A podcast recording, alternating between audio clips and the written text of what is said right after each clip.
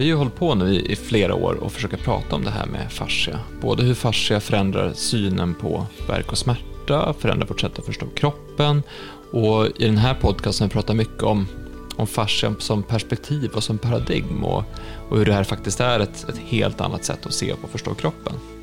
Men vi insåg när vi skulle spela in dagens avsnitt att vi har inte riktigt gått igenom hur man definierar fascia, eller vad fascia är för någonting, mer än den förklaring jag ska, jag ska läsa upp nu.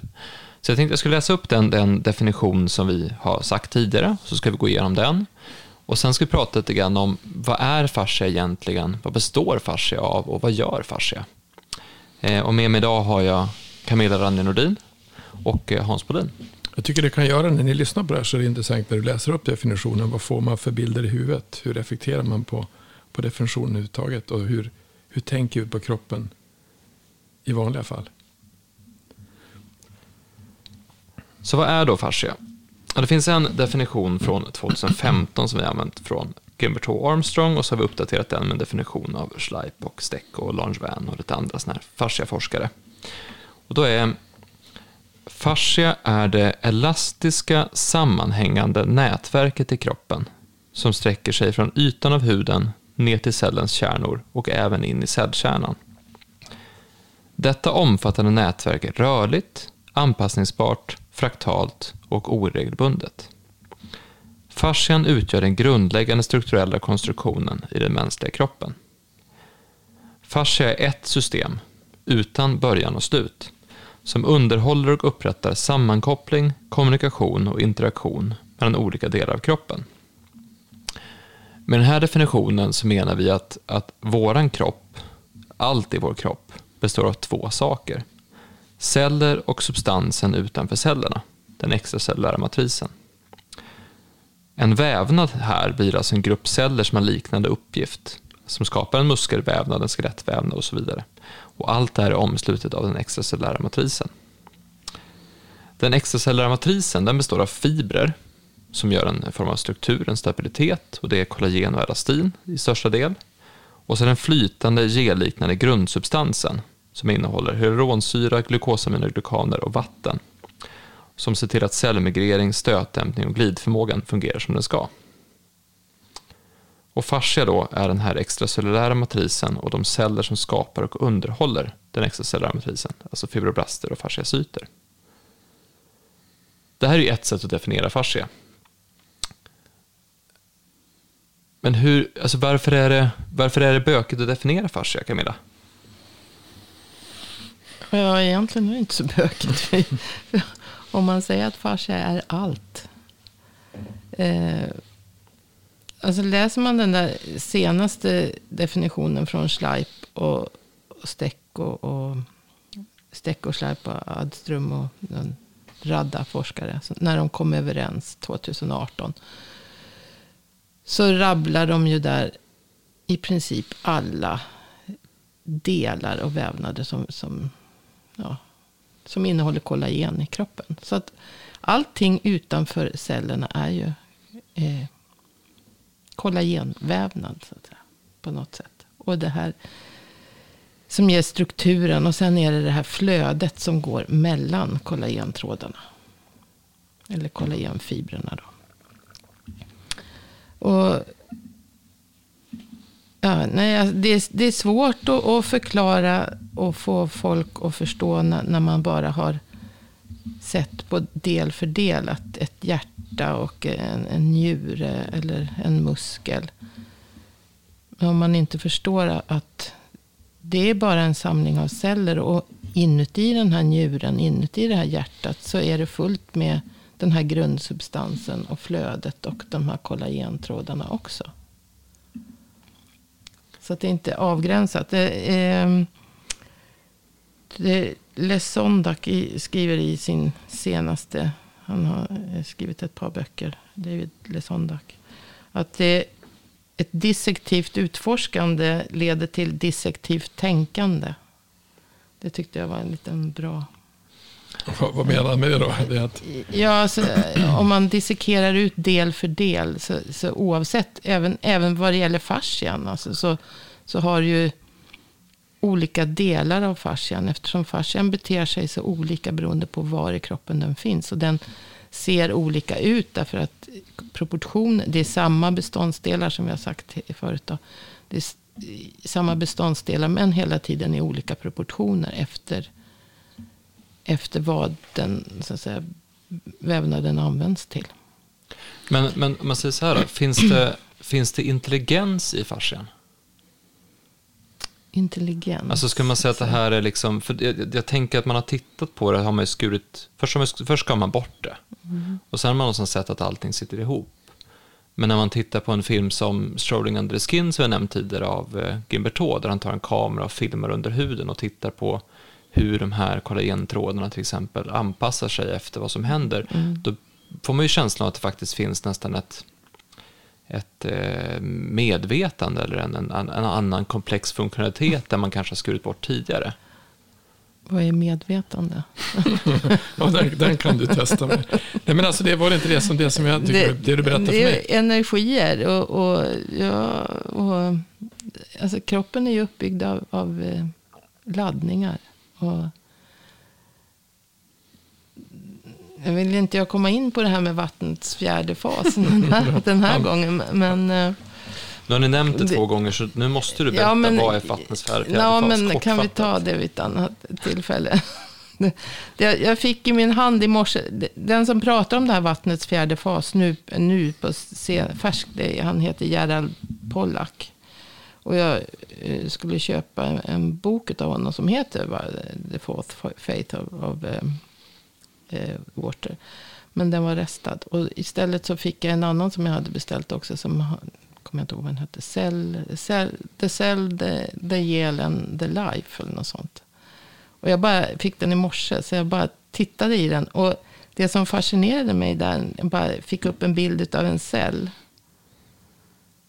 Så var det. Han hade någon, alltså någon elektronmikroskopbild tror jag det var. På, en, en, eh, på cellskelettet. Det såg precis ut som fascianätverket. Alltså, alltså fast i cellen. Mm. Så det, kroppen är ju uppbyggd precis likadant i alla strukturer. Det, det där. Och grundsubstansen går in i cellen.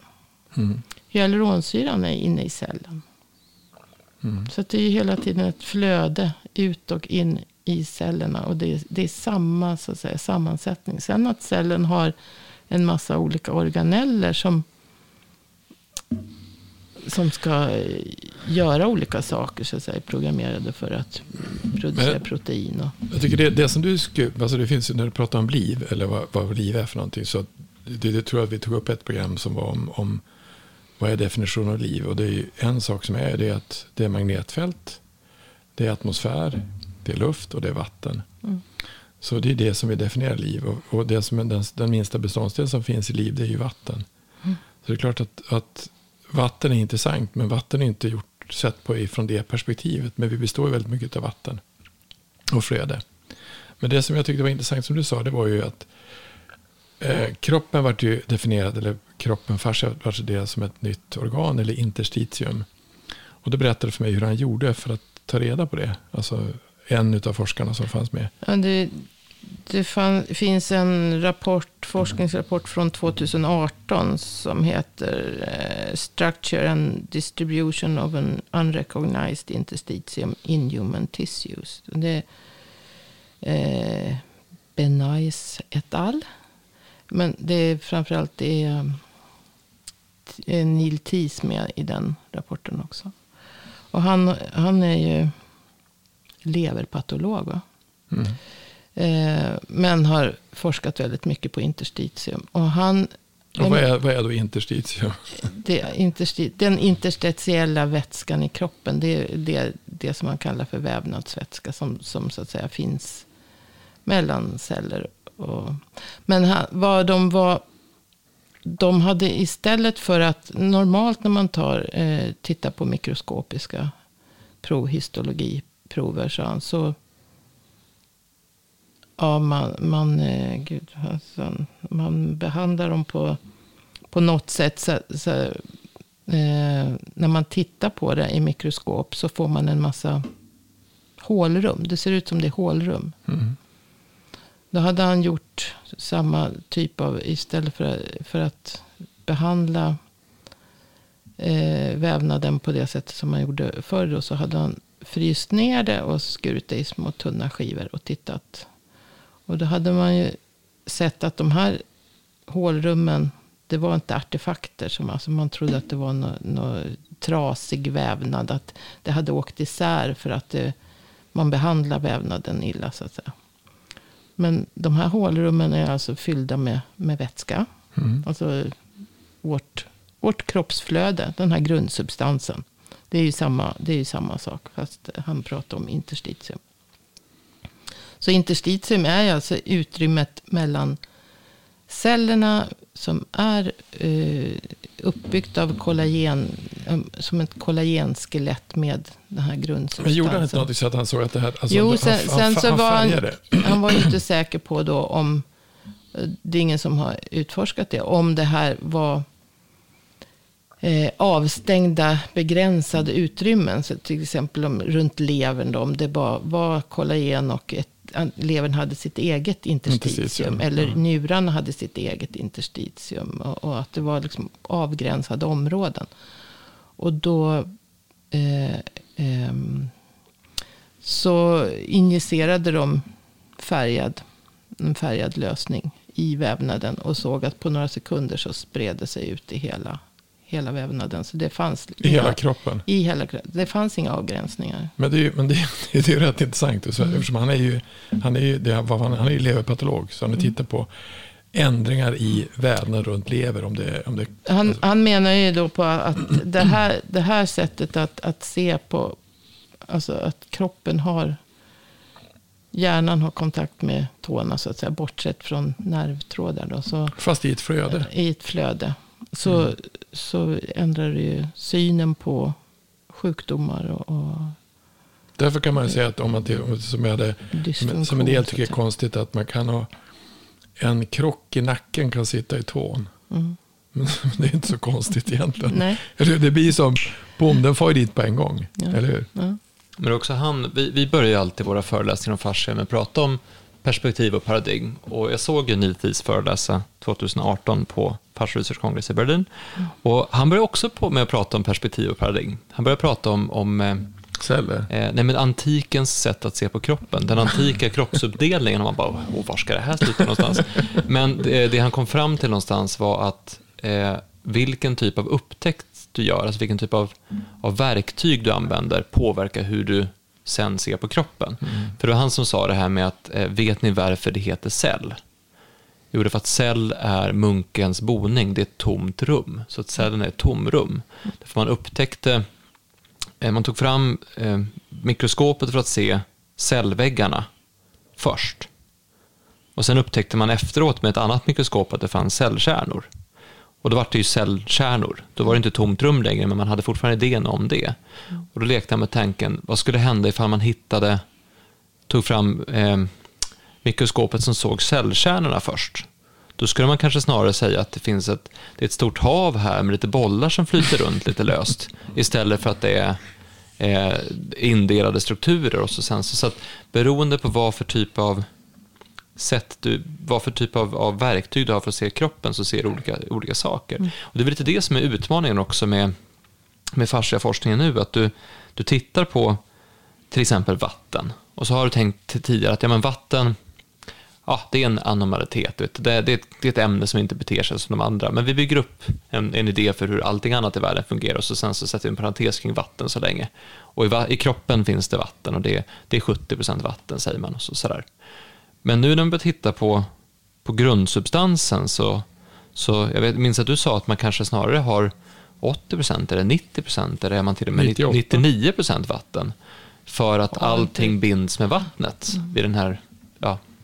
Och då blir det ju att man tittar på någonting som man har sett förut, men från ett annat håll.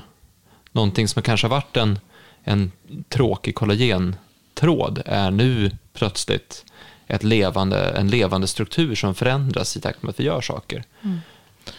Det, det är ju, kollagen är ju inte någon tråkig struktur heller.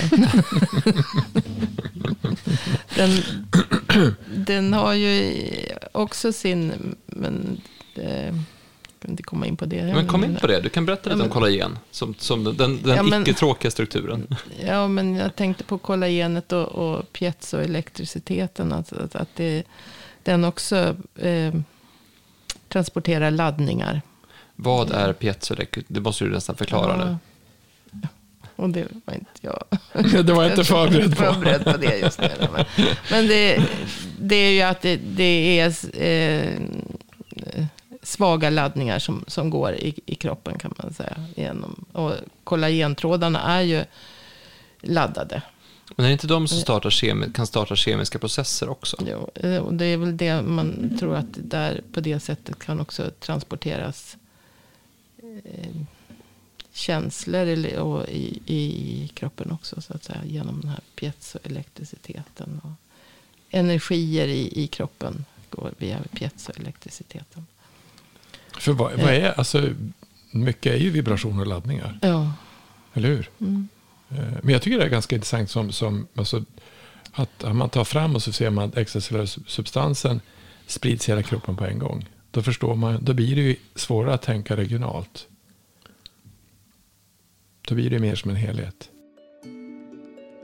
Hej, Axel här. Jag hoppas att du tycker att dagens avsnitt är intressant. Eh, jag tänkte höra av mig till dig direkt, du som lyssnar nu, för eh, jag skulle behöva din hjälp med en sak. Jag brinner ju verkligen för att hjälpa människor att förstå och uppnå sin fulla potential. Jag brinner verkligen för att ge kunskap om kroppen på ett enkelt sätt och jag har en naiv tro på att vi faktiskt kan förändra väldigt mycket i den här världen om vi sätter rätt saker i rörelse. Och därför tänkte jag att jag riktar mig direkt till dig och så ser jag om du kanske kan hjälpa mig med det här. För att vi, vi har ett koncept som vi driver som vi tror jättemycket på, som heter fasciaklinikerna. Och det konceptet ska verkligen försöka utmana sättet man bedriver vård på, sättet man bedriver behandling på och faktiskt se om vi kan åstadkomma en en ordentlig förändring i både hur vi ser på kroppen men också hur vi tar hand om kroppen. Och fasciaklinikerna söker människor som vill driva kliniker. Så du som vill driva ett företag där du anställer terapeuter och som hjälper människor att bli bättre i sin kropp.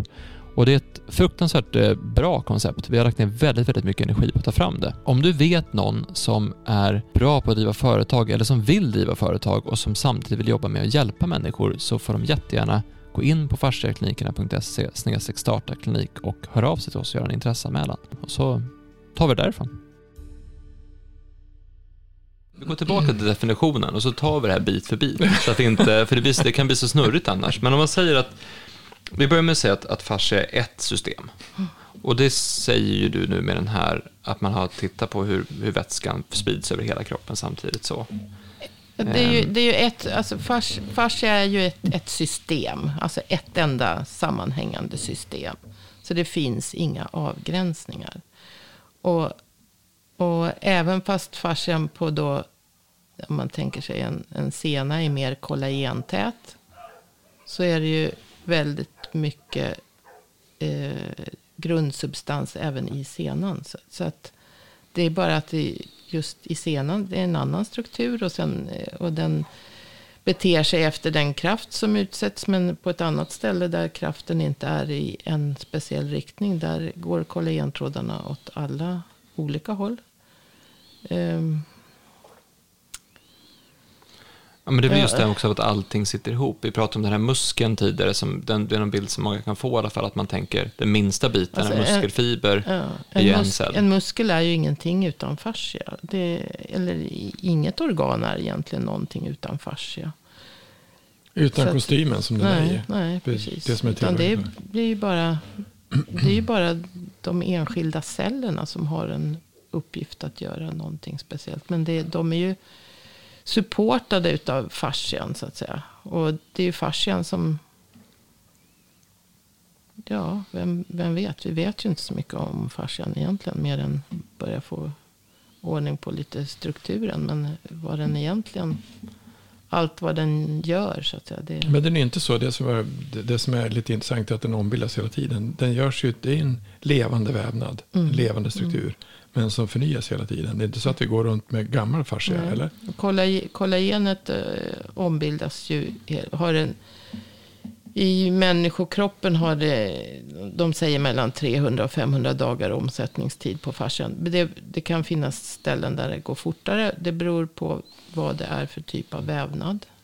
Och i olika djur så är, så är det annan omsättningstid. Så att, um, jag kommer inte ihåg, men jag tror att, att fascia i kollagen i ögon och så går, omsätts fortare.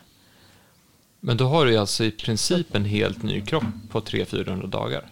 Alltså Ja, att allting ja, är totalt utbytt. Ja.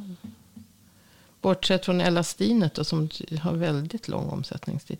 Så runt kollagentrådarna så finns det ju ett elastinnätverk också. Så elastin är ju också ett fiberprotein, precis som kollagen är ett fiberprotein. Men kollagen är väldigt starkt och stabilt. Eh, och elastinet är mer mjukt och elastiskt kan man säga. Men om du ser- om du ser Elastin att- har en omsättningstid på 50 år eller någonting sånt. Så att det, Den är seg, men den kan, om- den kan nybildas. ja, nybildas kan det väl. Men det den tar- ombildas inte lika snabbt. Men alltså, om du säger hur mycket, om vi säger att, jag tror jag brukar, om vi säger att om det är då, vi säger att jag väger 80 kilo och så lever jag i, om jag säger att jag lever i 40, 60 år då. Då är, då är det rätt mycket Som- material som har gått som- åt alltså. Som har förnyats. Ja. Ja. Ja. Kan man säga så ungefär då? Alltså det är typ 4800 kilo volym som har varit runt och åkt eller? Går? Eller är det tokigt att säga så? Eller det blir väl så egentligen? Jag vet inte, jag har inte tänkt på det så. Men, men eh, Jag tror att det blir så. Blir inte det? Om det gör så hela tiden. Det är inte så att man är samma person. Nej, nej. Det är en ny person. Ja, vi görs om hela tiden. Ja. Det är hela tiden tras, trasiga celler som byts ut. Och, och, men eh, Men det är det här som blir så, alltså så instinktivt svårt för oss att förstå. För att vi inte har tänkt på kroppen på det sättet. Det här pratar jag mer om i avsnitt 17. Just det här med att vi har tränat oss för att inte kunna förstå det här. För att när du tänker på kroppen som att, ja, för det första så har du den här strukturen som finns runt alla celler. Ja, okej, vänta, så det finns en och samma struktur runt alla celler. Och så är det ett flöde där också, som ser till att livet existerar runt omkring det här. Och det här bygger om sig precis hela tiden. Det är också svårt att, att tänka. Men sen så ombildas det också, så att det blir nytt hela tiden. Och det är ju samma sak som, det är inte, jag, jag tror inte många reflekterar över att det man till exempel stoppar i sig är ju byggstenarna som sen blir allting i kroppen. Så att, så att det du har ätit på ett år resulterar ju i vad du får för kropp nästa år, om du nu ombildas. Sådär. Men det är långsammare efter ett tag. Det är inte så här hela... Eller kollagenproduktionen är samma hela tiden. Ish. jag vet inte, el- elastik... Ja, men se, se, ja, ja. se, se, se, om jag väger då. Vi säger att jag väger i snitt 50 kilo under min livstid.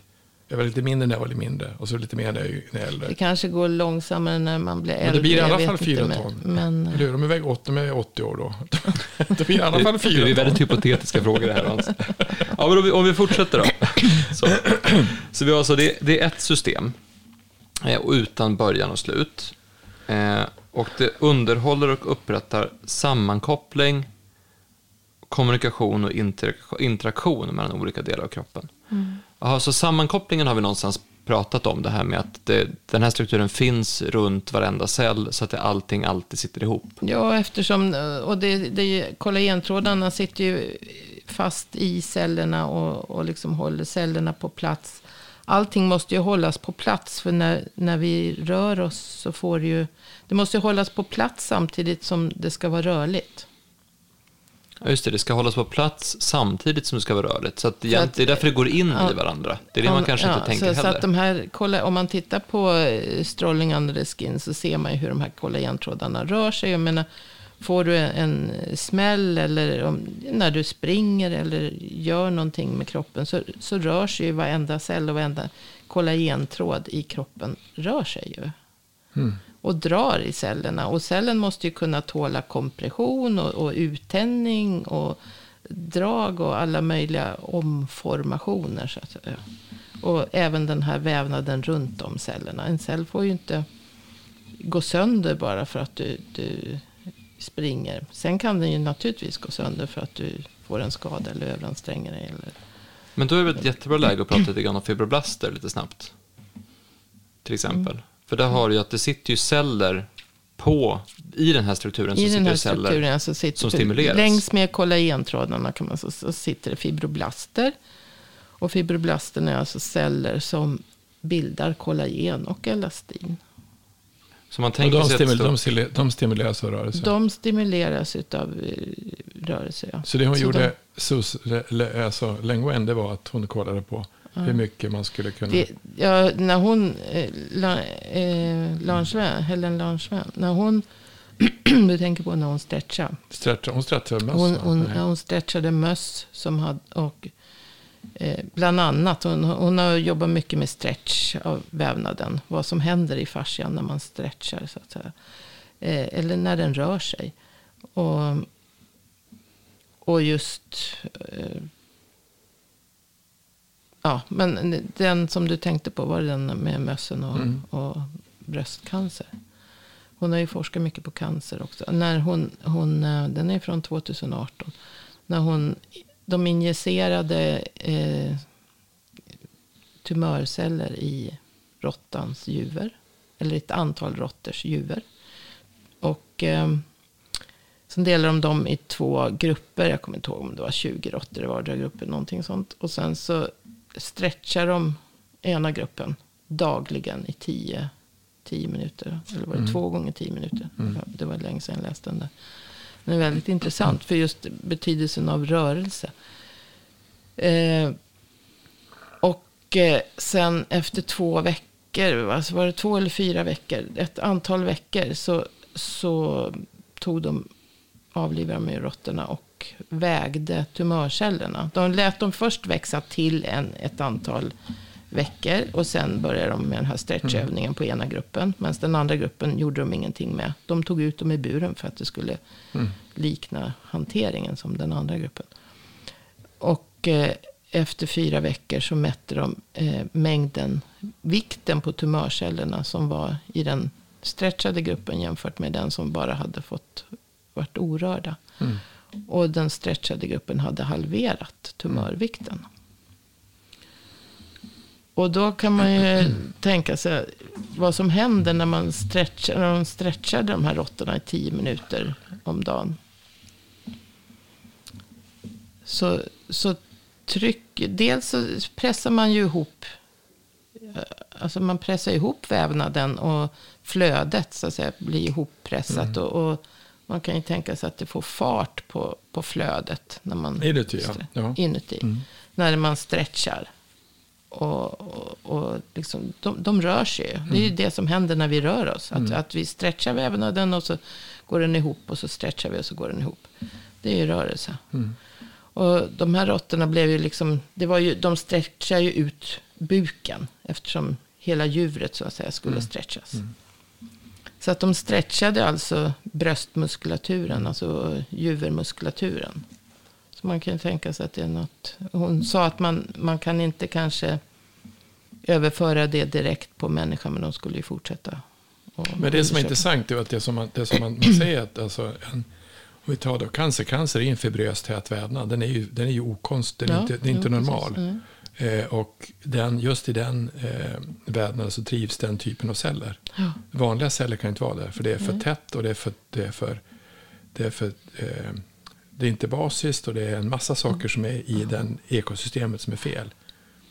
Det är klart att Det om, här pratar ju Melody Schwartz om också. Just Just det. det. flödet i kroppen. Att bara flödet kommer igång så, så Ja, för det- försvin- det är inte- försvinner cancercellerna. Och du det- får samtidigt ett, ett större flöde av immunförsvarsceller som kan ta död på cancercellerna. för det är inte bra flöde i runt, runt cancertumörer. Nej, nej. Men jag, jag tänkte vi ska gå in på, vävnad. på flöde eh, om en stund. Men först bara tänkte jag, för att det svåra här blir ju att, att det, man pratar om någonting som är väldigt litet. Alltså en, en struktur inuti en kropp. Och sen pratar man om någonting som är väldigt stort och sen litet och stort. Så det kan vara svårt att hålla det däremellan. Eh, men när du föreläste senast så pratade du om, eh, alltså om du tänker det här kollagennätverket, alltså de här, nästan som en spindelväv med massa olika eh, trådar som går åt massa olika håll. Det är bara det att här och där i det här spindelnätet så sitter det små celler. Små celler. Mm. Och det är när de cellerna belastas, alltså när, när man trycker på dem eller när de dras i eller när någonting händer så att de, de får som en signal, då säger de åt strukturen att ombilda sig eller att Då, tillverka säger, tillverka då, mer. då stimuleras de att bilda mer kollagen. Så då får den, om du stretchar en fibroblast, alltså drar ut den så att den blir... Hon, hon märkte ju att de, så att säga, de ökar ju i storlek, fibroblasterna, när, man, när hon stretchade. Fast alltså, de ökade, man tänker sig att de plattas till, men de ökar samtidigt i, i storlek och, och volym. Då. Eh, och då börjar de stimuleras att bilda mer kollagen. För det är deras uppgift. Och det, det ska vara utav rörelsen, så att säga. Alltså utav stretchen. Men som du sa egent- egentligen, så, så att, att det här ombildas hela tiden. Vi kan Mm. stimulera hur det ombildas också. Så egentligen har vi en rätt dynamisk kropp som kan Mm. egentligen göra ganska mycket saker. Utsätter du istället de där fibroblasterna för tryck, som det kanske är i en led, då bildas ett annat typ av, alltså då bildas, om man säger, leden då, jag kommer in på det där med, med olika typer av kollagen. Alltså kroppen, eh, fibroblasterna bildar det, den typen av kollagen som, Som behövs, behövs. som behövs för den, den funktionen, så att säga, den belastning det utsätts för. Så, Så att hoppa, en- hoppa jag hopprep kommer jag Ja, en, en led eh, som utsätts för kompression, lätta, kompression, lätta. Den kommer att bilda mer kollagen 2, de fibroblasterna. Eh, och de bildar också eh, mera ja, såna här, eh, utav olika grundsubstansämnen då för att till eh, ledvätskan eh, vätskan, om man säger. Men och sen en, eh, en eh, fascia under huden. Alltså den ytliga lösa mer lösa fascian. Den, om den utsätts för, normalt så utsätts den för mer kraft åt alla olika håll och kanter. Alltså skjuvningskraft kan man prata om. Då kommer den att bilda mer kollagen 3. Lite kollagen 1 också för att det, det blir drag och så. Men eh, lite mer kollagen 3 och mer gluk glukosaminoglykaner. Vad sp- Alltså, vet du, det var någon som... Alltså, vi, men, vet det tog de upp på Fascia Research Congress 2018, tror jag, med, med hur, hur man ska se på träning. Alltså hur bildas muskelceller? Alltså hur, hur, hur, hur bildas muskler? Hur, för, för, hur blir de större? Hur kan de öka? Och hur, hur påverkas själva fascian runt muskler? Alltså hur, hur är det med stretching och träning? Men det där blir viktigt att gå tillbaka till den här, att ta den stora bilden och göra den väldigt liten igen. Om man tänkte att det här, det lilla spindelnätet som är runt varenda cell. Och så i den så finns det celler som när de stimuleras säger åt de andra, de andra grejerna runt omkring att bygga mer eller mindre av olika material. Så att allting överallt får hela tiden, det här händer ju inte bara när du rör, det här händer ju nu när vi sitter här.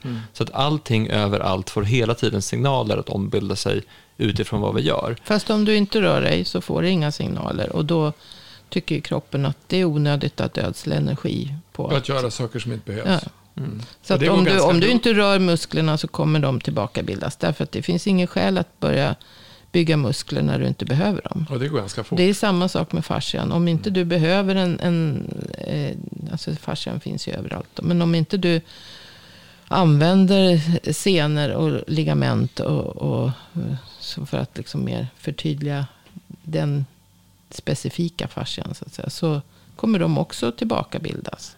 Samma sak med immunförsvaret som är en del också utav Just det, så man, man blir vad man... Man brukar säga att man blir vad man äter, men Ja. egentligen så blir man också vad man gör. Ja, absolut. Du blir, du blir hur du rör dig Mm.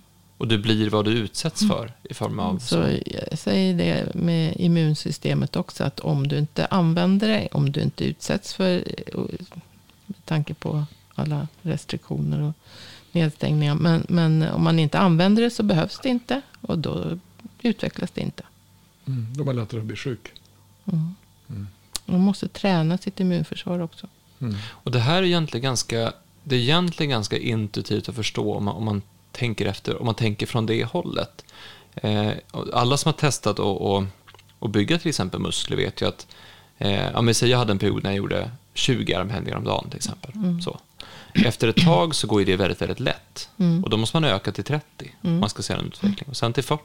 Och sen till, alltså du måste, det går inte För då har att ha... kroppen anpassat sig. Så Då har kroppen ja. anpassat sig efter att kunna göra 20 armhävningar varje dag. Och efter ett tag så blir det, ja men just det, nu finns det 20, alltså sådär. Och på samma sätt blir det om du anpassar kroppen efter att ehm, rida. Eller efter att spela hockey. Eller efter att spela fotboll. Så du, du bygger ju den struktur som är för det du gör. Och då med rörelsen så blir det intressant att se på, ja men vad, vad har jag byggt min kropp för och hur ska jag bygga min kropp på ett annat sätt som komplement till det. För om jag bygger min kropp för att sitta framför ett skrivbord till exempel, då kanske jag också måste bygga mitt kropp, min kropp för att röra mig, för att inte... Alltså det blir så... Visst måste det bli så? Ja, om du, du ska försöka vara hälsosam och, och leva länge så ska du väl träna kroppen utöver att sitta vid skrivbordet. Ja, men precis. Och då finns det ju egentligen inga... inga det finns ju kanske inga genvägar på det sättet. Nej, det gör väl inte det. Eh, Nej, kan, kan man inte röra sig, om man är sjuk och inte kan röra sig, så... Då blir det, Då- det, då blir det, en- det, jag tror man, man gjorde det, jag tror Ja, inte det. Jag tror, men det, nej, värsta, det värsta men då experiment- måste det ju vara bättre att till exempel eh, om någon stretchar och drar och i alla fall stimulerar lite av kroppens flöde. Så att Mm. säga. Nu tänkte jag på maskinen då direkt. Men det, Mm. Det kan man göra själv också i och för sig. ja. Men, men för det, egentligen har vi pratat ganska mycket nu om den här om, om kollagenstrukturen eller om fiberproteinstrukturen. Kollagen, elastin och fibroblasten och så vidare. Men i, så som du i alla fall har pratat det senaste året så är det nästan ännu viktigare att prata om den, den här flytande, gelliknande grundsubstansen. I, ingenting klarar sig utan det andra. Men, men för det är ju flödet klarar sig inte utan kollagennätverket. För det är ju kollagennätverket som så att säga sätter gränserna för hur det ska. Och som också drar i cellerna. eh, men det flödet är ju det som är, det är väldigt spännande nu tycker jag. Men, eh, Men om vi tar, alltså, nu, det var det här, jag vet inte om jag ska, vi kan, men jag frågar i alla fall, för det finns ju något som säger, det, det, det här var en riktigt tokig fråga, men det finns något som heter läckande tarm. Om du har det, Så att du får fel på någonting som är, du äter någonting som inte klarar, far det ut i, i extracellularmatrisen då eller? Och du ska Ja, inte ja. det, och du ska inte det. Nej, alltså det måste det ju, det har inte jag tänkt på. Den, men läckande tarm, om du tänker att... Vi säger att det- eh, kan ju bli konstigt i hela kroppen då. det, det måste, måste ju nästan eh, läcka ut i den extracellulära matrisen utanför tarmen. Då, ja. Och det, då kan och du det få, kan du väl göra om, om jag menar, till få- exempel du- emulgeringsmedel kan ju förstöra tarm, eh, tarmens fettlager och det här är ett, ett hölje, skyddande hölje så att bakterier... Men de, alltså, om, om, om det är så rent, rent vi, säger att, vi säger att vi har något, någonting, vi säger att vi har en vete som är för, för, för, för, för, för, att vi säger att, och så kommer det ut, då kommer det att påverka kroppen kanske så att vi får in, så kommer kroppen behöva skydda sig mot det. Ja. Kapsla in det eller göra någonting av det. Eftersom det är ute i hela, exces- eff- Ja, för då, det kan ju komma in ämnen då som kroppen inte där. känner igen. Och så blir det en immunförsvarsreaktion. Ja. Just det. En inflammation och en immunförsvarsreaktion. Ja. Just det, för att om vi, vi pratar om nu var att allting sitter ihop. Att allting sitter ihop. Ja. Men det betyder ju också att, att den skit som kan komma in kan spridas överallt. Ja. en. Absolut. Eh, Men alltså, tarmen har ju ett skyddande hölje på insidan. För, för, Ja, för- alltså, kro- att- överhuvudtaget så har ju eftersom kroppen vi massa försvar. får in en Ja. massa, Skiten då. Ja. ja, och vi har ju, har ju då eh, tarmfloran som är, men, men vi, vi får ju in en massa saker utifrån Mm. det vi äter. Det är ju saker som proteiner och så som kroppen normalt inte känner igen. Mm. Det är därför man pratar egentligen om att, att tarmen är egentligen på utsidan av kroppen. Ja, precis. Tarmen är utsidan av kroppen. Mm. Lungorna är också utsidan av kroppen. Mhm. Ja, men du tänker att alltså, om du tänker i kroppen som ett, om kroppen är två system då, ett system som är, eh, alltså huden är ju på utsidan Men om jag andas in luft och det går ner i lungorna så är ju Så har du lungorna också utsidan. Lungalveolerna är också utsidan. För där har du ett utbyte så att säga, mellan Men det som är det innanför inre och lungorna, det är dit det ska sen. Så att det ska ju som, samma Och sak du det har med tarmen. Ja. immunförsvarsceller som liksom håller koll på att det inte ska... Och utsida, ja. ja. Så att ja, allting sitter ihop och ja, det som är det som är skit som man får i sig så, det kan ju också spridas överallt. Men vi har ett otroligt sofistikerat avancerat försvar för det. Men det är det som kan bli överbelastat. Mm. Eller att det inte används och sen åker på en överbelastning eller någonting sånt. Men, men vi ska, alltså det blir ju, det blir ju lite kul det här. För att det är ju det är att utmana och definiera. Det blev väldigt rörigt. nu. Ja, men Det är alltid rörigt. det, det är det, men det är det här som är utmaningen när man, när man pratar om delar och helhet samtidigt och det blir svårt att sätta ihop det. Eh, men jag tänkte vi skulle, vi, vi är fortfarande kvar på definitionsbiten här. Vi har pratat om själva strukturen, men sen, alltså du skickade ju en artikel till mig i somras som handlade om fascia som flöde. Ett helt nytt sätt att förklara kroppens funktion. Och du pratar om, alltså hur kan vi förklara kroppen utifrån liv och flöde? Den här finns att läsa sen för er som vill. Ehm, Finns den på Farsa? den finns på Farsaguiden. Det är del fyra i den här nya Farsaguiden som jag skickar ut. Eh, Jag har ingen koll. men du pratar om att det med, dels att celler, eh, celler med olika uppgifter är i konstant interaktion. Mm. Eh, kommunikationen sker i utrymmet mellan cellerna. Mm. Och den flytande delen av kroppen är inte lika lätt att se, men det finns ett kontinuerligt flöde precis överallt. Jaha, Och det här, det här är, där kommer ju det här fjärde fasen av vattnet in vi är där i alla fall nu alltså. För, för alltså, det här flödet, det är ju samma sak med, man har ju, alltså han, Gerald Pollack säger ju också att hjärtat klarar inte av att Pumpa pumpa, blod nej. runt i hela blodsystemet. Det är ett slutet system med, med en pump. Det måste få hjälp av någon, en annan kraft. Mm. Och det är vattnets fjärde fas. Som alltså, Själv- självcirkulation. som är, blir en slags självcirkulation. Och även i fascian så är det alltså en slags självcirkulation. Tack vare den här fjärde fasen på vattnet. Då. Jag kanske rent av ska läsa Så- upp det här, så får du se Hans. Du kanske inte har hört eller, eller tänkt på den här delen. Vilken då? Alltså det du skriver här. Det jag att- kommer inte ens ihåg. Ja, precis. Det är, därför, det, det är därför det är jättebra att läsa upp det här. Så att vi, kanske, det kanske är helt fel. Jag kanske dementerar det. det perfekt nej, vi, så. nej, vi byter helt riktigt. Vi har något helt annat. nej, men det, alltså, det, det här blir också en konsekvens av att har man läst, eh, vad var det kom fram till, 2000 forskningsrapporter, massa Det böcker och sett väldigt 21 dagars rörigt. föreläsningar så blir det ganska rörigt och det är mycket som är motsägande. Men det här, så här skrev du i somras i alla fall. Det är länge sedan. Att vår, alltså för, ja men vad blir det nästan ett år sedan. Vår kropp kan beskrivas som en samling av celler med olika uppgifter. De är specialiserade för att utföra olika typer av arbete. För att cellerna ska kunna utföra sitt jobb så krävs det transport av ämnen till och från cellerna. Till exempel, som alla vet, näringsämnen och syre in och avfall ut ur cellen. Men cellerna måste också kunna kommunicera med varandra så att en cell vet vad de andra cellerna gör. Det gör de på flera olika sätt, oftast i kombination, via kemiska signaler med så kallade signalsubstanser på mekanisk väg och genom svaga elektriska signaler. Mm, där hade ni piezoelektriciteten. Och för att allt det här ska kunna fungera krävs det alltså någonting i utrymmet mellan alla celler, något som också ger en kommunikationsväg in i cellerna, via cellskelettet till cellkärnan som styr cellen. Cellerna kan inte ligga löst som bollar i bollhav, de måste ha ett subst- substrat som de fäster i. Ett substrat som kan transportera de olika signalsubstanserna, vidarebefordra mekanisk stimulans och rörelse, samt de elektriska signaler som skapas. Det här substratet kallas den extracellulära matrisen, den vävnad som finns utanför cellerna.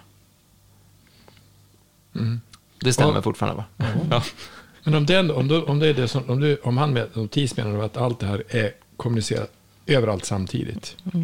Då blir det också en mycket, mycket snabbare kommunikation. Det är kommunikation i vätskan.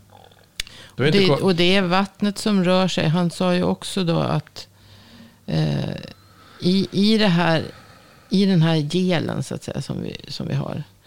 De, dels så säger man att, att det blir en gel för att, att eh, vattnet binder med, med hyaluronsyran. Hyaluronsyran ändrar viskositeten. Alltså så att det blir trögt eller lättflytande beroende på hyaluronsyrans storlek. Men samtidigt så, så säger den här Gerald Pollack då också att, att vattnets fjärde fas är en slags gel. Mhm. Så att det blir, det är någon, något, ett mellanting mellan fruset och eh, flytande. Mm. Så att det, det är liksom, det är inte fruset, men det, det, är, den kan det är den, inte helt flytande. Utan det är alltså den fjärde fasen som är som en gel. Mm. Och, den, och att den, eh, det vattnet också då har en negativ laddning.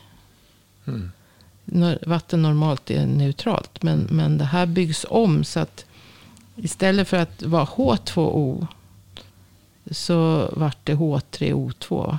Mm. Så jag så förut. Ja, det sa du.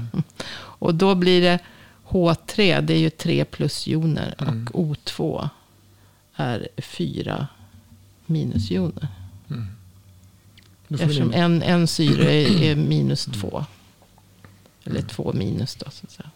så att då blir det ju alltså en minusladdning där på, på den vattenmolekylen. Om man säger så. Alltså är vattnet negativt laddat. Vilket gör att den får ett slags... Men vi kan gå in på det i en annan podd. men då menar, du menar då påverkar men om det, om det här signal, alltså den här extracellulära matrisen då som har flödet, om flödet då är eh, då blir ju då blir inte kroppen känslig för allting på en gång samtidigt. Alltså om du tar intuition, att du, eh, du är med om någonting som, alltså, intuition säger man går ju fortare än man tror att det gör, det går ju fortare än, än verkligheten. Om vi säger att om jag, om jag skulle vara, om, om, jag tror att man testar om gjort det, utan Rupert eh, Sköld har gjort det, titta på om man kan, om vi har ögon och nacken, om vi kan känna saker och ting som händer. För att om, om det skulle stå en, en björn utanför, då skulle hela min kropp reagera på en gång. Allting- Ja, eller när någon all- kommer in i ett rum. Allting tittar på och dig då är det ju, så. Då är det, då är det mer utav, inte bara elektromagnetiska fältet som finns utanför, utan det som också kom, som påverkar det på en gång. Eh, och det kan ju förklara varför det kan finnas till exempel eh, minnen, eller man kan ha saker som finns i kroppen som blir frysta. Mm. Då kan det finnas frysta minnen. Som har blivit för lite i cirkulation, så bara chock. Då blir chock ett fruset minne. Eller hur? Ja, I, och, i, i, i substansen. Och vad är minnen? Alltså det, Ja. vi, det vi, det är nej, men vi har, vi, eftersom Men, alltså Ja, vi, vi- men, men det, den kanske vi kan utveckla sen. Men, men, men det är som en annan sak som du sa. För, för det var ju, när du pratade om eh, hyaluronsyra så sa det som hon hittade på, eller som kom fram till det var, vad, vad, vad var det stäck att hitta som man inte visste om förut? Vad, f- hur hade man trodde att hyaluronsyra tillverkas? Var det bara i leder eller?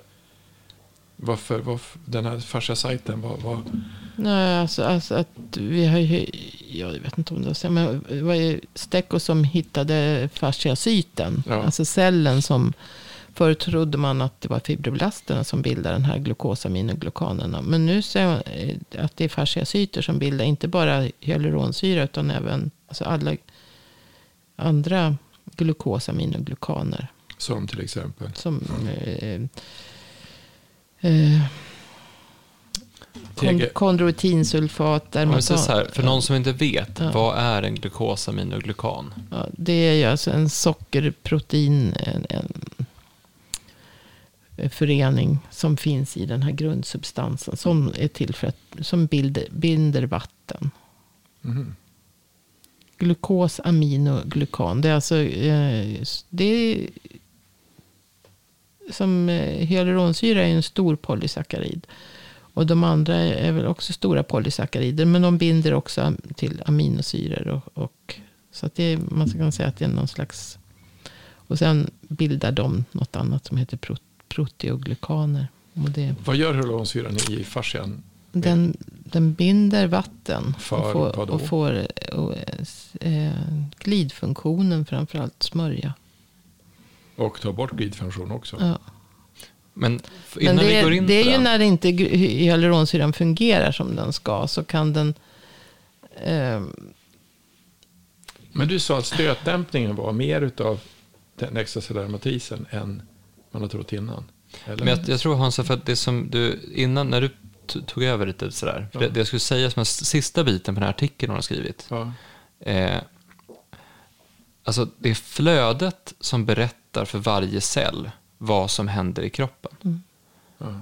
Så att det är, flöd, det är vätskan, det är flödet som berättar för varje cell vad som händer i kroppen.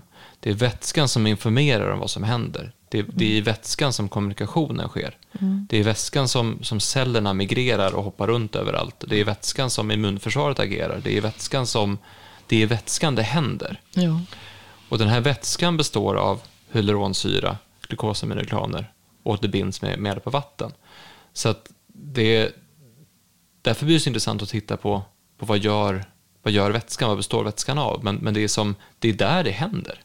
Det är där det händer. Det är där livet är. Det är där det, är där det sitter. Så att livet är bokstavligt Och- talat i flödet. Ja.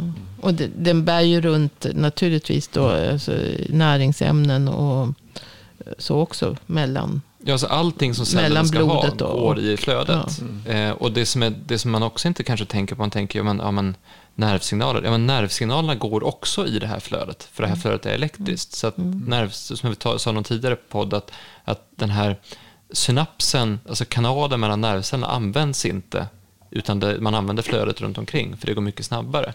Så att kommunikationen sker också i, i vätskan. Och därför blir det viktigt att vätskan flödar. Och det är det som ja, kan den hända får med... inte stå still. Eh, för när, om, du, om flödet i kroppen någonstans, så att du slår dig och får en skada och så blir det då ett försvar med en inflammation, då börjar det läcka ut mer plasma från blodkärlen, från kapillärerna. Och så ökar vätskan på utanför cellerna utanför blodkärlen så att säga.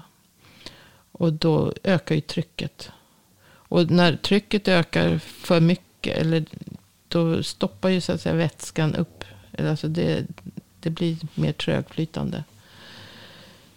Så att då har vi kanske något ställe som vi svullnar och, och Men jag tror, men jag tror Och- det där man måste tänka på det här med att alltså hur... Alltså det, jag, blir så, jag ryser nästan alltid när vi går in på det här. För man, man, man fascineras över hur otroligt, otroligt väl genomtänkt kroppen är. Och det är ju inte konstigt om man tänker på det vi pratade om tidigare avsnitt om, om ekologi och evolutionär ekologi. Att det här är en kropp som är anpassad efter att leva på ett så bra sätt som möjligt och den har anpassats under väldigt, väldigt lång tid för att vara här. Så att när jag gör någonting så kommer min kropp att anpassa sig efter det jag gör. Och det händer precis hela tiden.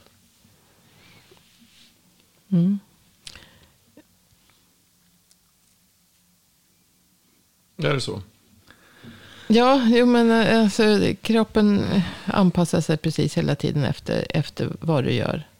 Men jag var på väg in förut på eh, bara snöa in på ly- lymfan. Men Jo, men du, men, du- ska Det är också ett flöde. Alltså, som exempel så blir Ja, det att om jag, till exempel, flöde. om jag till exempel lyfter någonting, vi säger att jag lyfter någonting, då kommer min struktur i kroppen att anpassa sig efter att jag lyfter saker. Om jag, jag lyfter tunga lådor varje dag, Ja, så kommer den, den delen som, som är med i det lyftet, vilket är hela kroppen, det är ju det som är träning. Ja, om man anpassa sig ja, efter ja, det. Precis, det Men om jag, om jag gör det på ett sätt som, som inte är optimalt, då kommer ju den delen som, där, där den här ansträngningen blir, blir som mest, där kommer det byggas extra mycket kollagen. Och när det byggs extra mycket kollagen så kommer flödet få svårare att flyta runt. Och när det får svårare att flyta runt så blir det mer stopp. Och blir det mer stopp så blir det mindre näring, sämre kommunikation. Det, Och då kan man ju- ju få ja. fibrös vävnad så småningom. Men innan det blir en fibrös vävnad så blir det en förtätning i den här, alltså förtjockning i den här grundsubstansen. Och den här förtätningen, vad är, har vi, Har vi kört den? har vi spårat ur det? Nej, nej, nej, nej, nej, nej, nej, nej, nej Eh. absolut inte.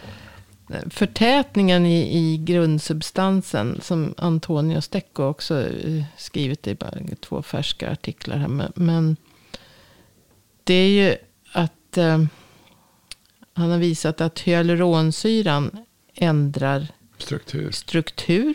Och istället för att vara som eh, ut... Eh, alltså hyaluronsyran ligger kvar. Enligt TIS då, så, mm, det här flödet, så, så är det vattnet som, som rör sig mellan hyaluronsyremolekylerna. Så att säga. Hyaluronsyran är kvar. Den, den, det är inte den som rör sig. Utan det är vattnet som flödar mellan.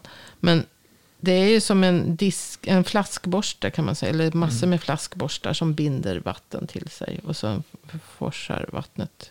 Beroende på att, att man rör sig då så forsar vattnet. Så att säga. Eller flödar vattnet.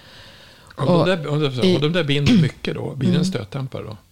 Ja, det, det blir en stöt. Men blir, blir det för mycket så blir det blir det för stopp. högt tryck. Då blir- och då då, blir- då då blir det ju stumt. Alltså om du har en... Tänk dig själv om, om du fyller en plastpåse med jättemycket vatten. Eller en ballong med, Mm. med jättemycket luft. Då är det dålig stötdämpning. Mm. Men om du har någon slags lagom mittemellan. Så blir det väldigt bra stötdämpning. Mm. Och är det för lite så blir det ingen stötdämpning heller.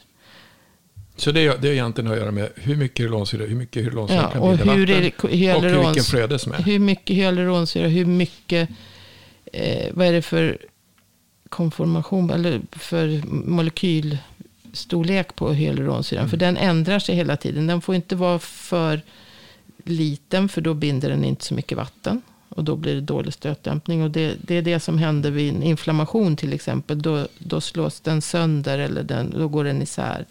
Bryts ner för att det ska bli mer lättflytande. Så att cellerna ska kunna vandra i den här hyaluronsyre grundsubstansen.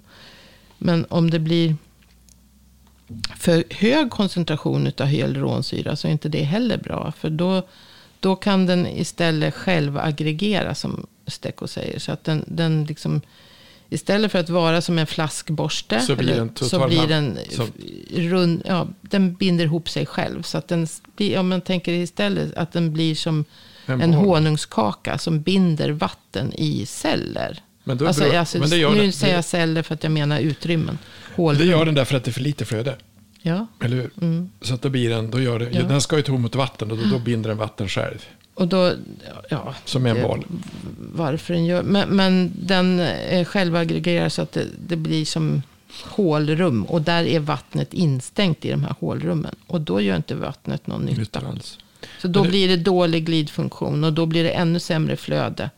Och det här har han visat med en, en ny typ av eh, ultraljud då, som, som visar på instängt vatten. Mm. Alltså man ser med att det, det blir rödfärgat. Och det här visar ju då dels att det är hyaluronsyran som stänger in vattnet för att de injicerade hyaluronidas. Som är Mm. alltså ett enzym som bryter ner hyaluronsyran. Då försvann det här röda. Okej. Då, då vart det liksom fritt flöde igen. Och sen så gjorde de samma sak och eh, behandlade manuellt med myofascia manipulation som de använde.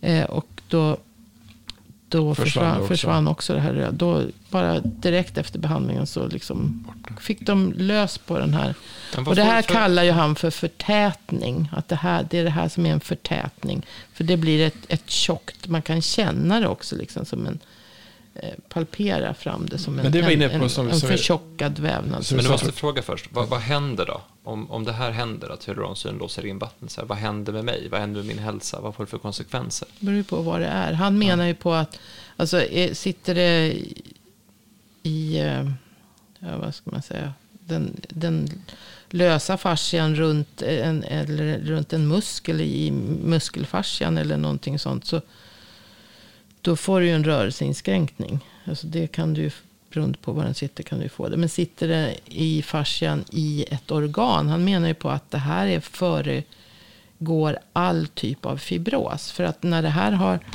har fått fortgå eh, ett, ganska länge, han pratar om månader, kanske år. Eh, den här förtätningen, så börjar det så att säga växa in kollagenfibrer. Ja, in i, I- den här vatten, det här. där det var vatten Och- förut ja, växer det in massa ja, fibrer precis. också. Så att, så att kollagen, ett eh, tätare kollagenstrukturnätverk så att säga i den här förtätningen. Efter, Och då har man istället en fibros. Det blir som en ärrvävnad för, för att efter, den efter fibros kan det bli vad då för någonting? Ja, då kan det bli eh, cancer. Det- det vi började Ja. prata om. Ja, precis. Men, men inte bara det, utan, utan han menar ju på att det här, om man kunde undersöka det här, så kanske man kunde, så att säga, det finns ju eh, massor med olika sjukdomar, alltså fi- fibroser i lungor, i njurar, alltså där vävnaden blir ofunktionell. Mm.